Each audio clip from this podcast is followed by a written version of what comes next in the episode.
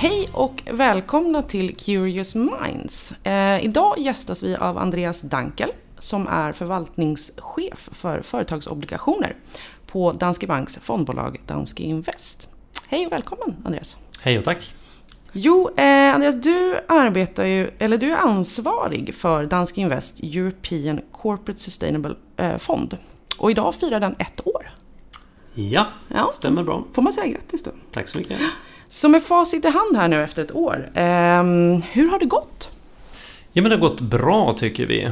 Dels eh, har vi positiv avkastning och eh, både i absoluta och relativa termer. Men framförallt så är det så kul att fonden har vuxit så mycket eh, från start. Vi hade ju en, en seed investor, en, en, eh, första investerare som gick in med ganska mycket pengar. Men sen har det följt väldigt många andra investerare efter det. Så att eh, hela caset och historien bakom har tagits emot väldigt väl. Så det är kul. Ja, vad roligt. Vi pratar ju om det här med, med eh, hållbarhet eller en hållbar fond. Men vad, vad innebär det egentligen? Hållbarhet är ju ett ganska vitt begrepp och ganska brett begrepp och inte hundraprocentigt väldefinierat faktiskt. Men vi, vi ser det som ett, eh, ett tema kring, kring vilket vi då investerar. Vi tror på bolag som har produkter som eh, kan leda till att världen blir lite bättre framöver. Vi tror på processer som eh, leder i, i rätt riktning och så vidare. Så det är mycket det vi, vi lägger in i begreppet eh, hållbarhet. Mm. Um, men hur, hur, kan du berätta någonting om hur fonden är sammansatt? Kan du ge några exempel på bolag som är med i, i fonden? Ja, det finns det en, eh, en fond som eh, huvudsakligen investerar i ganska starka bolag rent där balansräkningen är stark, det vi kallar investment grade.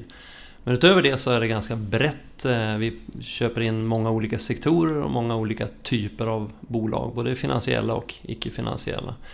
Några ganska eh, intuitiva namn i, i den här strategin, det är ett bolag som Vestas som tillverkar vindkraftverk, världsledande inom det området. Ett annat bolag som också är ganska intuitivt är ett bolag som heter Nibe, som småländskt bolag som tillverkar värmepumpar bland annat. Eh, men vi har faktiskt även bolag som eh, Daimler som ju alla vet tillverkar personbilar och lastbilar och så vidare. Och det är kanske lite mindre eh, intuitivt att ett sådant bolag finns med. Ja, verkligen. Det kan man säga. Ehm, men om man tittar då på, på, på den här fonden, är det någonting i den som man känner sticker det ut mer än, än andra, till exempel bankers eh, hållbarhetsfonder? Ja, när det gäller just obligationer så är ju det här med hållbarhet eh, relativt nytt. Eller det har funnits ett tag men jämfört med aktiefonder så, så har fokus på hållbarhet inte funnits med lika länge, tycker jag man får säga. Eh, det som finns på obligationsmarknaden är gröna obligationsfonder. Det har funnits i ett antal år men det är obligationer som typiskt sett eller historiskt har getts ut av Europeiska eller Nordiska investeringsbanken, KFW och så vidare. Och det är väldigt, väldigt lågavkastande eh, projekt eller emittenter. Så att det som är nytt med den här eh, fonden, det är lite grann att, att vi fortsätter investera. Vi har ju under många, många år investerat i företagsobligationer, men vi fokuserar på de här bolagen som vi menar gör rätt sak och inte minst rör sig i en riktning som där de går från en position till en ännu bättre position på hållbarhetsområdet. Det som också är ganska nytt är att vi faktiskt påstår oss eh, engagera oss eh, och påverka de här emittenterna, alltså låntagarna, bolagen som lånar upp obligationer eh, i en positiv riktning. Och det kan vi göra på grund av att vi är, vi är väldigt stora i det här, eh, inom det här området. Både på europeiskt plan och även i Norden. Mm. Så det handlar både om en, en form av exkludera men också att påverka? Då.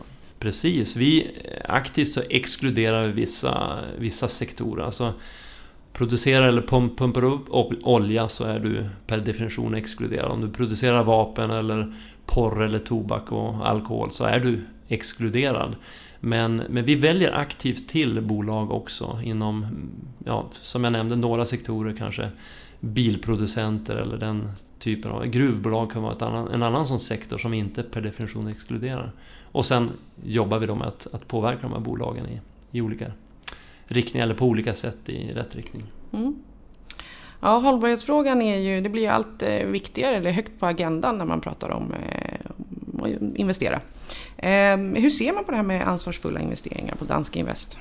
Ja, men det är en jätteviktig fråga, en, en, en central fråga på många sätt och det är en fråga som i våran organisation, precis som i många andra organisationer, är någonting som har lyfts på agendan under de senaste åren. Eh, så att det är ett, ett Eh, arbete som det fokuseras jättemycket på. Och den här produkten är, kan man säga, en, en del i, i det. Men det är också ett arbete som jag tror, hur stolta vi än är över den här produkten och den, de processer vi har på plats nu, så tror jag att det är ett, ett, eh, ett område och en process som kommer att fortsätta utveckla sig eh, jättekraftigt under åren framför också. Mm. Eh, man har ju sett, eller många har säkert läst tidningarna här i dagarna så har eh, SEB, Handelsbanken, Sjunde AP-fonden har gått ut och eh, pratat om att man exkluderar ett antal bolag, det kan vara, det rör sig om ganska många bolag, ehm, från, från sina listor då. Är det någonting som du tror man kommer se mer av i framtiden, att bankerna går ut och gör så här? Ja, det ska man väl inte utesluta. Ehm, jag tror att det är... Det går lite trender i det där också. Så att, och jag är, kanske, jag har ingen jättestark uppfattning om vad, vad, vad, som kommer att hända. Men jag tror inte man ska utesluta det. Samtidigt så tror jag att eh, vi kan bara konstatera att eh, de här processerna kring, eller den här produkt, om det är produktutbud eller processerna kring vad man eh, väljer, och, väljer att exkludera. Det, det tror jag bara kommer att fortsätta. Och där gäller publicering kring det här. Eh, det är en del av det. Det är ett sätt för försäkringsbolag och pensionsbolag att, att positionera sig och visa att man gör rätt sak. Att visa hur mycket hållbara placeringar man har inom aktier eller vilka bolag man exkluderar. Och det, det blir definitivt också ett område på fixed income obligationsområdet. Vad man har valt att investera i och eh, kanske inte minst varför. Eh, för det är ofta det som som, där den mest info, intressanta informationen är just varför man har valt att exkludera kanske, tycker jag personligen. Ja, jätteintressanta eh, tankar och, om eh, hållbarhet och, och få prata lite om eh, fonden. Eh, men jag får ta och tacka dig för idag Andreas för att du tog dig tid att gästa våran podd. Jag som tackar. Tack så mycket, hej!